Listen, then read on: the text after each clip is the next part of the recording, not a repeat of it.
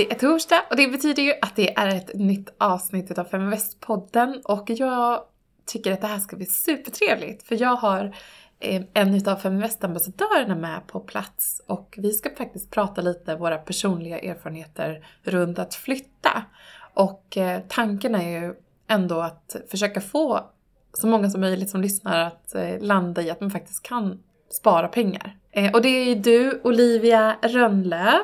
Du jobbar som marknadschef till vardags eh, och har börjat klura lite på det här med ekonomi.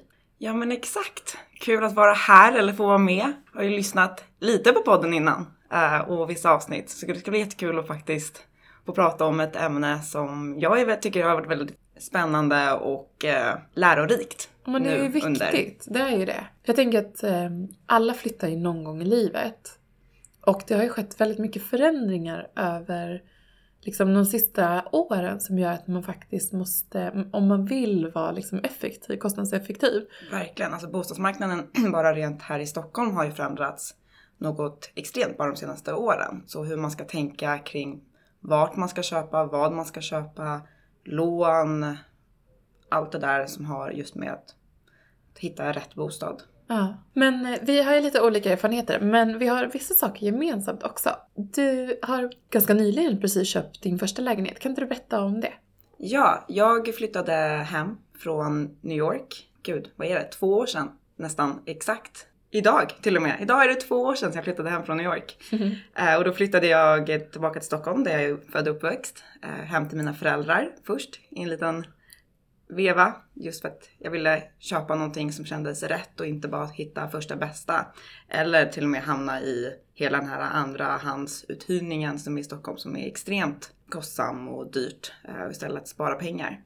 Så då köpte jag min första lägenhet, en mindre tvåa på Kungsholmen nu i Stockholm. Jag köpte den i mars och flyttade in då i juni. Eller jag tänkte att jag flyttade in i juli för jag renoverade första månaden. Hur var det att flytta hem från New York? Hur flyttar man liksom från över Atlanten? Ja, det är typ inte så komplicerat som man kanske tror. Utan det handlar bara om att koordinera det mesta. Sen hade jag ju också tur att jag kunde liksom flytta in allting hos mina föräldrar och kunde liksom gå från ett hem till ett annat. Det är jobbigare om man måste förbereda en ny bostad när man kommer på plats. Eh, nu kunde jag ju bara packa ihop allting och flytta upp hem till gamla flickrummet igen när jag flyttade från New York då hade vi en lägenhet, eller mina föräldrar hade en lägenhet som jag bodde i som vi valde att sälja eh, när jag väl var klar med mina studier där i, i New York. Och då var det mest handlade om att hitta liksom rätt flyttfirma för vi valde att frakta hem en del möbler. Och det gick vi på baserat på rekommendationer från, från eh, tidigare vänner som har gjort en liknande flytt. Och då ringde jag dem och de, det var väldigt smidigt för de levererade kartonger som jag packade ihop. Och sen så eh, kom de själva och uh, li, lindade in allt uh, de större möblerna för att de skulle vara skyddade i själva transporten. Sen hade man då en form av en halv container som åkte över havet via färja eller båt eller vad man nu ska kalla det. Och sen kom det då hemlevererat till Stockholm, då bara några månader senare. Betalar man ett fast pris då för typ utrymmet i containern? Ja, eller man liksom får typ berätta lite så här ganska konkret vad det är man ska ha, fylla den här containern med och sen så ger de då en prisförslag. Eh, och så kan man ju då välja att testa, kolla runt och se, testa olika eller höra för olika prisförslag från olika firmor. Men jag, eh, vi hade hört väldigt gott om just den här firman och jag har också hört mycket skräckhistorier från andra som har gjort liknande där det var liksom, de har valt en lite billigare och allt har gått sönder eller det har inte kommit fram ordentligt och de har förlorat massa. Så då valde vi, eller jag, att eh, ta den lite dyrare som egentligen inte, inte extremt mycket dyrare utan det handlar bara om en mindre summa eh, och verkligen veta att nu vet jag att allting levereras bra och det gjorde det och det var ingenting som var trasigt, eh, inga repor eller någonting så jag var faktiskt väldigt nöjd med den firma som vi valde. Hade du någon typ av försäkring som eh, täckte? I priset så ingår en viss försäkring och jag tänker att om man har mycket dyra liksom, tavlor och sånt så kan man teckna ytterligare försäkring, alltså via den här flyttfirman. Men jag valde att inte göra det just för att det var inte så dyrbara föremål som jag fraktade över. Det var din garderob? Det var garderoben! Nej, det var, det var liksom mycket böcker och så var det lite möbler och så. Inget mer kostsamt än det. Mm. Jag har ju också flyttat från, jag flyttade från London men jag gjorde ju så då att jag eh, valde att eh, lämna väldigt mycket Mm. utav det som jag hade för att jag kände lite att jag flyttade in, dels har jag aldrig varit ri- så extremt fäst vid saker och sen så, så eh, valde jag också att flytta in i typ ett färdigmöblerat, eller jag flyttade in hos min kille här som hade färdigmöblerat.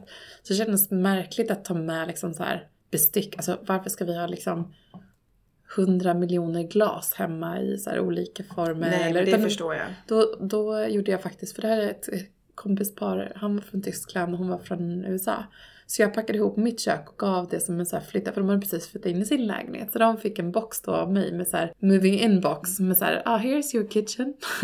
Ja men det förstår jag. Hade det inte varit så att jag inte skulle frakta hem så pass mycket möbler som jag faktiskt gjorde. Då hade inte jag heller fraktat hem resterande. Just den med bestick och köksgrejer. Men nu när jag ändå skulle frakta hem möblerna då var det inte en sån större kostnad att ta liksom med några extra garderob, eller garderober, ga- extra kartonger Mm. och fylla den med liksom köksgrejer och böcker och allt sånt där som man kanske skulle lämnat kvar annars. Mm. Nu var ju det positivt med tanke på att nu behöver jag inte köpa allt sånt nytt här i Stockholm igen. Så på så sätt blev det ju ganska smidigt när vi ändå skulle frakta hem så pass mycket grejer. Mm. Men annars hade jag också gjort samma som dig och bara lämnat kvar mycket. Jag lämnade kvar mycket. Jag skänkte bort jättemycket. Typ dammsugare, alla elektriska grejer som ändå har en annan typ av uttag än vad vi har här i Sverige och Europa. Så det var mycket som blev kvar också. Jag gav så stora påsar till alla mina kompisar. Både så här svenskar och amerikaner och allting. Men det måste vara så värt också, för det är ju dyrt att bo i New York och Jättedyrt. liksom, om man pluggar och så här också. Att de, Verkligen. många blir glada för det. När du då började kolla på lägenhet, vad hade du för liksom krav? Ja, alltså jag hade någon form av check, alltså inre checklista både när det kom till alltså själva bostaden, rent det här praktiska och fysiska som man vill ha, liksom tvättmaskin och diskmaskin. Jag vill även ha balkong i min lägenhet. Eh, Just för att en mindre lägenhet känns väldigt oftast lite instängd om man inte har någon mindre balkong eller någon form av väldigt stora fönster eller vad det nu kan vara. Eh, Men sen var det också mycket frågor kring föreningen och belåning och renoveringar och tillgångar och mycket mer av det finansiella som också var viktigt. Liksom det gällde att hitta den här sweet spoten. Och sen också avgiften. Så jag hade ganska mycket så här som skulle stämma in. Tycker jag... du att avgiften är viktig? Jo, men det tycker jag. Ehm, just för att avgiften visar ju också på hur bra ställt det är i föreningen. Ehm, vad de har för finansiella tillgångar. Om det är en jättedyr avgift då betyder det att de kanske är högt belånade eller om de kanske måste renovera eller någonting och behöver samla ihop lite kontanter eller till en insats till det. Så det var liksom när jag såg att en lägenhet när jag var på Hemnet och scrollade omkring och skulle hitta liksom olika visningar eller objekt som jag ville gå och kolla på. Då när jag såg direkt att det var en väldigt hög avgift, då valde jag kanske inte att gå och kolla på den lägenheten ens för att det, jag tror att det hade varit dåligt i längden. Eh, Och eh, även för min egna ekonomi, att jag kan inte ha för hur dyr avgift som helst. Liksom, Jag har ju också en egen budget och jobbar med, liksom, med rent vardagsmässigt. Så det var absolut en väldigt viktig faktor i mitt köp. Jag eh, kommer ihåg, jag köpte min första lägenhet i 2008. På våren där så flyttade jag också hem till mina föräldrar för att jag visste att jag ville plugga sen till hösten. Så jag bodde, och då får man inte lån eh, så lätt. Nej. Så att jag tog liksom ett lån, eh, eller fick lånelöfte när jag jobbade heltid. Bodde hemma hos mina föräldrar och sparade ihop. Jag kommer ihåg att jag sparade typ 50 eller 60 tusen. Inte över 60 var det inte. Och köpte en lägenhet för ett 795 000, kostade i Uppsala 34 kvadrat. Och det här är så märkligt. Att jag Ja. hade så liten insats. Ja men det är verkligen helt sjukt. Liksom, idag så måste man ha så höga insatser själv. För att framförallt liksom om man ska ta lån som enskild person, vilket jag, för jag är ju singel och köpte lägenheten helt själv. Och då att få lån har varit jättetufft. Så att, det, att du hade en så himla liten insats då, bara vad är det, tio år sedan, Mm. är ändå helt sjukt för mig. Men det förändrades ju den hösten. Ja, när Lehman Brothers. Eh, skedde. Så det var det som var så märkligt att jag eh, jag hade, fick ju topplån då som jag var tvungen att amortera i ganska hög takt. Ja. Eh, för att eh, komma undan de höga räntorna som var. Jag tror att jag hade varit mellan 3 och 4 procent i ränta på de, liksom, det andra, det större delen av lånet. Ja, det är väldigt hög ränta. Och sen var Om det ännu idag. Men kanske jag kan ha varit runt 7 procent på toppräntan eller Okej. topplånet. Så det har också hänt väldigt mycket. Verkligen. Då så fick mina vänner som också hade börjat spara och börjat titta på lägenhet som inte hade slagit till. Fick helt plötsligt så här, ja men om de kanske hade mellan 50 och 100 000 och tänkte så här, ja men jag kollar runt och- men jag har inte hittat det objektet jag ska, jag vill ha. Och sen helt plötsligt så bara, nej men du måste ha 200 000. Och så var de, kunde de inte köpa helt plötsligt liksom när man var, men vi var 19-20 år. Ja. Nej men det är väldigt, det var ganska dramatiskt. ja, det förstår jag. Det är att liksom ha någonting att utgå från och sen att helt plötsligt ändras lite över natt som det gjorde där 2008. Sen så, ja jag sålde ju den då efter ett tag när jag bodde i London och sen så flyttade jag ju hem eh, igen nu för några år sedan och då eh, så sagt, då packade jag bara det jag ville ha med mig i resväskor och så, så åkte man, man åkte mycket mellan Stockholm och London så jag tog med mig grejer liksom regelbundet när jag ändå skulle vara här och hälsa på Magnus. Eh, så det var en ganska smooth Mm. flytt också. Ja men det gjorde jag också. När folk kom och hälsade på mig då fyllde jag deras resväskor med diverse grejer i och med att jag visste att jag skulle flytta hem. Eh, Så jag bara, ja tar du med dig allt det här då? då? Det var allt från böcker till kläder, ja allt möjligt. Men jag är ju också lite så här, jag tycker det är väldigt eh, intressant. Jag har suttit i ett par bostadsrättsföreningars styrelse och Mm. jag tycker det är eh, väldigt intressant och jag vill ha koll på liksom, ja, men ekonomin i BRFen. Mm. Och eh, det var lite speciellt nu för i den här flytten som vi har gjort nu så flyttade vi till en tomträtt och det är inte så vanligt. Nej, jag, jag hade inte ens hört att det fanns liksom just i Stockholm när det kom till bostadsrätter. Att det är någonting som man kunde köpa sig in på. Nej, och det finns ju en viss risk med det som jag eh, också liksom upplever nu så är ju räntan väldigt låg. Mm. Men i och med att Fastighetsmarken liksom i Stockholm blir ju, de höjer ju priserna på att hyra ut. För det in, tomträtt innebär ju egentligen att, att eh, kommunen äger marken och att BRFen hyr marken helt enkelt. Så man äger bara fastigheten. Men inte marken. Och det är många som, eh, men det blir svårare liksom att köpa för det är ganska dyrt för en BRF att i dagsläget köpa marken som bostaden står på. Eh, och där så finns det ju risker för hy- hyreshöjning vilket skulle kunna påverka eh, ja, min, min avgift helt enkelt Såklart. till föreningen. Men det, och det har ju inträffat och i större utsträckning utanför Stockholm, alltså på landsbygden. Att jag vet att det finns ett resonemang när man vill skydda villaägare som har li- liknande upplägg, att de köper Okej. tomträtt. Eh, men för, för bostadsrätter så är det väldigt ovanligt. Ja, nej jag hade faktiskt inte ens hört om det innan du berättade det nu precis innan vi började Mm. Mm. Jag försöker ju alltid kolla ändå liksom belåningsgraden eh, och eh, hur mycket föreningen amorterar, om det är en belåningsgrad i större utsträckning. Nu, våran BRF nu har, för att man inte äger marken, bland annat inget, inga lån överhuvudtaget. Det är ju fantastiskt. Mm, så det är en lå, låg avgift. Mm. Men å andra sidan så, så kan man ju då bli utsatt för en, en hyreshöjning som gör att det skulle, man skulle behöva höja Verkligen. avgifterna. Nej men så när jag köpte, jag vet att, för jag fick väldigt mycket hjälp av mina föräldrar som ändå har köpt och fram och tillbaka både lägenheter och villa. Man ska alltid ta in kunskap där den finns eh, när man gör sådana här stora beslut tycker jag. Och då hjälpte min pappa främst att kolla just alla föreningar som där vi var med och budade för att se hur ser belåningen ut? Hur är tillgångarna? När liksom gjorde allas renoveringar? Kommer de behöva renovera i framtiden? Eh, och så. Så att det vet jag var väldigt viktigt eh, för dem just i hela den här processen. Att föreningen är i ett så bra finansiellt läge. Eh, och just när det kommer till avgiften som vi pratade om tidigare. Eh, jag fick faktiskt pre- precis reda på nu förra veckan att de ska sänka min avgift med 5%. Mm, Så det är roligt. super. Inte jättemycket men man får vara glad för det lilla tycker jag. Ja. Och eh, det visar ju också på att ekonomin är väldigt bra om de sänker avgifterna. Mm. Så det var väldigt kul att få det veckobrevet. Ja, verkligen. Och det man kan säga som en tumregel är ju att om du är ute efter att eh, liksom, köpa en bostadsrätt Mm. så ofta ligger belåningsgraden på en BRF med, mellan 0 upp till 12 000 per kvadratmeter. Så man lägger ihop liksom det totala antalet kvadratmeter Ja. och det här brukar ofta stå i prospektet också. Verkligen, absolut. Eh, så, och då om du har under 5 000 Mm. per kvadrat eh, så är det väldigt bra. Så det, Men exakt. försök att kolla om det För även om, om många går ju faktiskt på avgifter för det är psykologiskt i förhållande till privatekonomin hur mycket man behöver. Verkligen, nej, men det, det var som jag sa tidigare att det var jätteviktigt för mig att liksom få ihop det livspusslet. Precis som allt annat man kollar på. Att man måste tänka in ekonomin så man inte utöver själva köpet utan det ska också flyta eh, vardagsmässigt. Och jag är mycket mer fokuserad på det än vad min kille är till exempel. Han Är är, så här, men Mikaela vad gör du tusen kronor i månaden? För jag typ, ja men när vi kollade på våra, våra vi var kollade på lite större lägenheter Ja. och då ligger ju ofta avgiften på liksom, ja men säg mellan 4 och 7 tusen. Mm.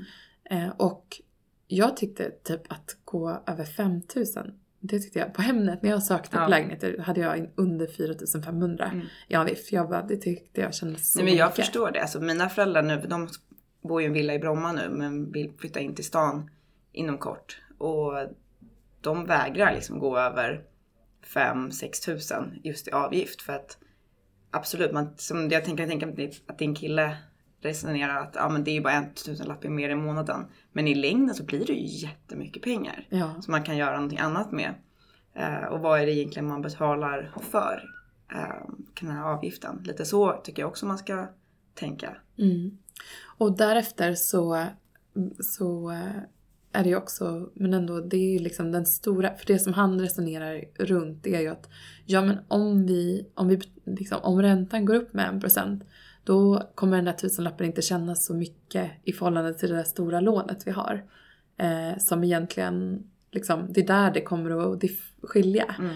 Eh, men jag argumenterade väl att jag ändå själv tror att även om Ingves hotar med att räntan kommer att gå upp Mm. så tror jag inte att, det, att vi kommer se en så stor uppgång inom en snar framtid. Nej, inte jag heller. Alltså, de har ju pratat om det här, om vi hoppar till, till räntor. De har ju pratat om att de ska höja räntorna, eller alla pratar om det, de senaste två åren. När jag flyttade hem och började kolla så var väl många väldigt mycket, hur ska du verkligen köpa nu? Är du inte orolig över räntorna? Hur ska du göra? Hur ska du göra med lånet? Ska man amortera? Ska man inte amortera? Alla dessa frågor. Och det här var ju relativt nytt för mig, men det här är också den första bostaden som jag köper. Liksom sätta sig in i det här och hur man ska tänka. Eh, och ska man ha fast ränta? Ska den vara rörlig? Hur så. tänkte du? Jag gjorde som allt annat i mitt liv när jag inte vet riktigt. Jag gjorde hälften hälften. Så jag har 50% fast och 50% rörlig. Just för då har jag ändå en viss stabilitet om det skulle nu vara så att räntorna går upp. Samtidigt som jag har eh, lite, liksom, om det skulle gå ner så har jag liksom också den möjligheten att vara med på det tåget. Mm. Eh, Och det tyckte jag kändes liksom tryggt för mig i min finansiella status och liksom även liksom lite för psyket. Mm. Att det finns en viss trygghet samtidigt Mm. som att man ändå är lite av en risktagare. Men hur eh, tänker du då i förhållande till eh, amortering och så? Jag amorterar ju faktiskt inte.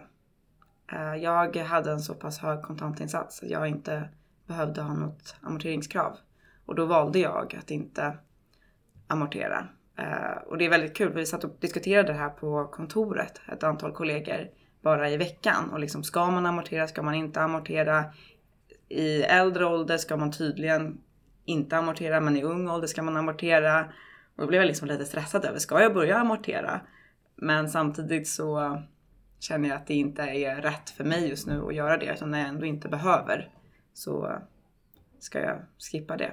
Mm. Men jag tycker det är en väldigt svår fråga och hur man ska tänka. Jag tror att man måste ta liksom hänsyn till sin egen privata ekonomi eh, och vad som funkar för en. Men kanske inte lyssna för mycket på andra åsikter heller. Nej, jag tror också på att vara väldigt flexibel. Mm. Det blir ju mycket pengar, alltså om man ska amortera, om man ska spara för pensionen, om man ska ha en buffert och om man ska investera Men i exakt, aktier. när man ska, man ska resa, man ska hitta på saker. Det är så, man ska också leva. Man får inte glömma bort det. Det är också väldigt viktigt att eh, ha den delen.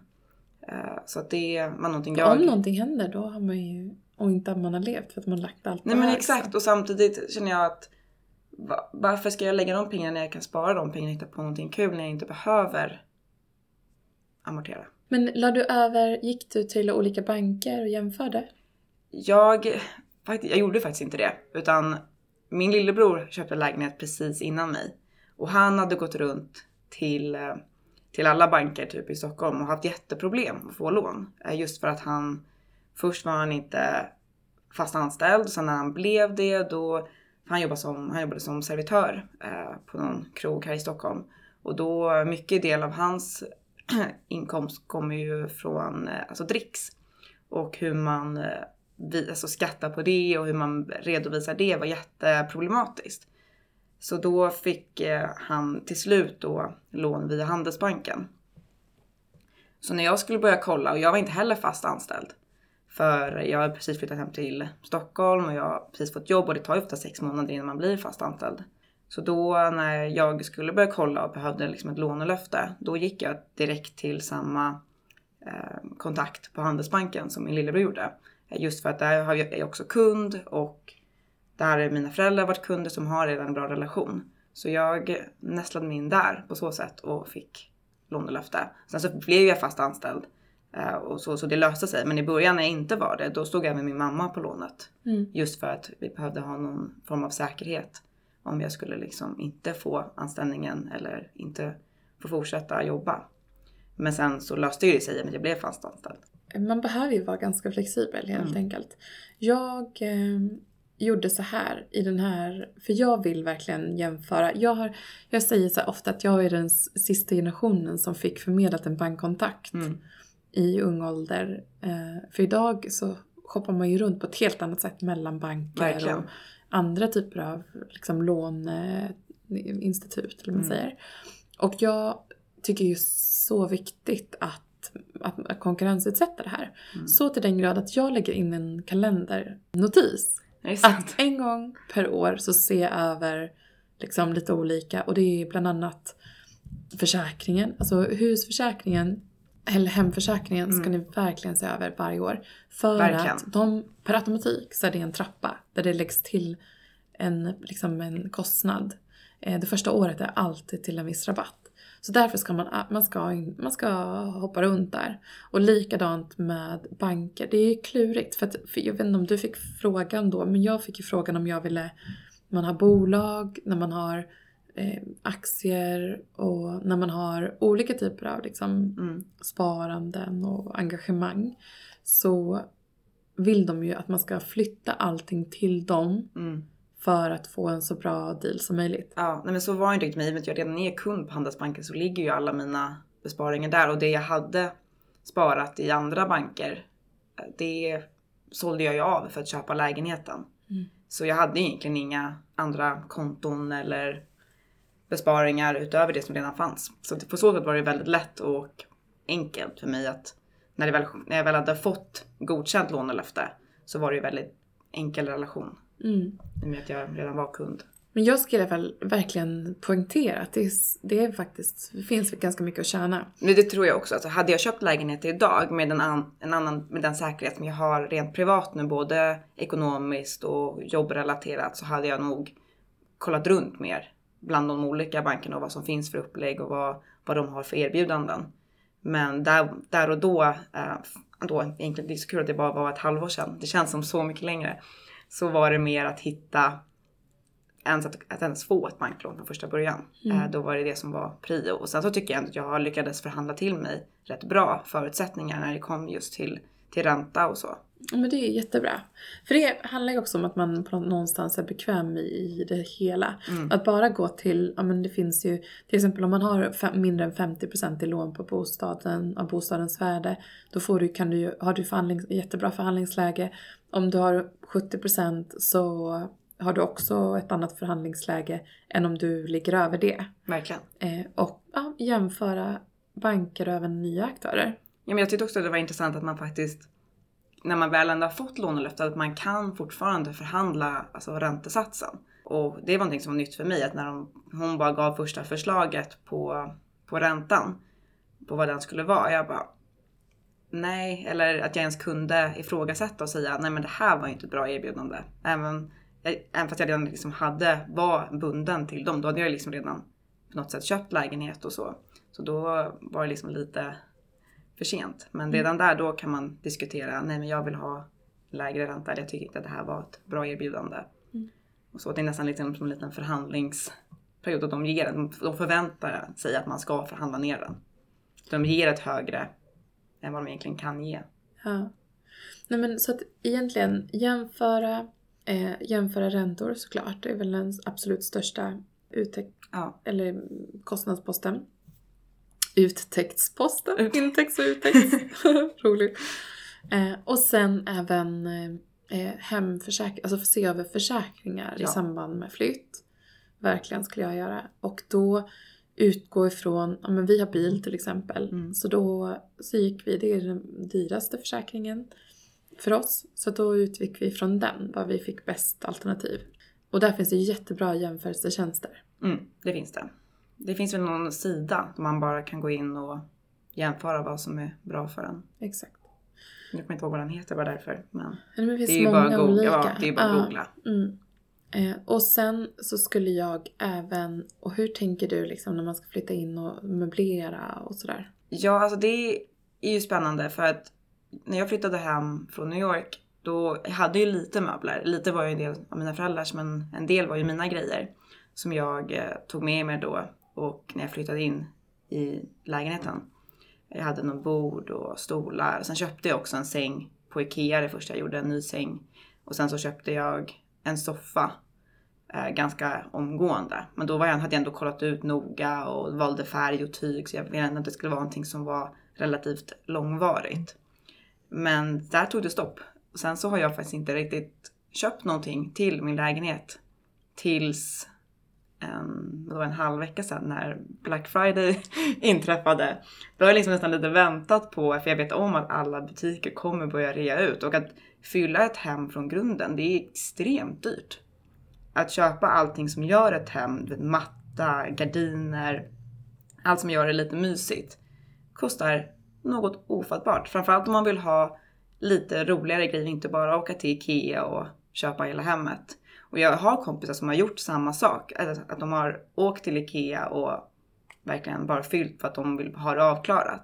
Som kanske ångrat sig lite i efterhand.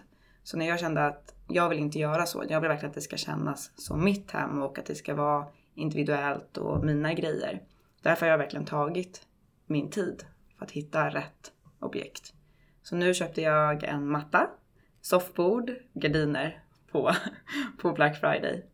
Men jättebra. Ja. Eh, hade du jämfört de produkterna också så att du visste att de inte, för jag vet att det, de pratar om att så här, en del sajter höjer priserna. Ja, nej men det här var också var produkter eller märken som jag redan är familjär med. Så jag vet ungefär vad priserna låg på så jag kunde ju se att de hade sänkt priserna. Eh, om man liksom jämför med de återförsäljarna och själva märkets olika kanaler så kunde jag se att de ändå sänkt priserna rätt bra.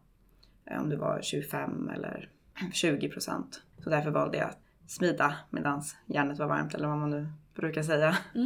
Kul. Ja, så jag känner att jag gjort en ganska bra deal på de, de saker som jag köpte nu. För det märker jag också lite, alltså desto mer medveten jag har blivit över min ekonomi. Att jag också är sådär, håller lite på inköp för att göra det mer strategiskt. Antingen när det är reor eller Mm. Också så här, nej men nu behöver jag, nu köper jag ett större liksom, men garderoben behöver förnyas men då tar jag, köper kanske fem plagg. Alltså jag springer inte och småköper i butik. Mm. Nej men exakt, jag gör lite samma sak nu. Att jag verkligen, ser ut, inte bara möbler utan allt det jag köper. Ser över, okej, vill jag ha det här? Kommer det funka? Om man pratar just kläder, kommer det funka med vad jag har hemma? Och inte göra sådana här spontanköp som man kanske gjorde när man var yngre. När man hade andra ekonomiska förutsättningar och inte hade räkningar och lån och pension och allt sånt där. Följ Feminvest på våra kanaler Facebook, Instagram, Youtube. Varje vecka så kommer vi även ut med en podd. Och du kan ju självklart även följa nyheterna som publiceras på feminvest.nu. Det är bara att söka på Feminvest på samtliga kanaler så hittar du till oss.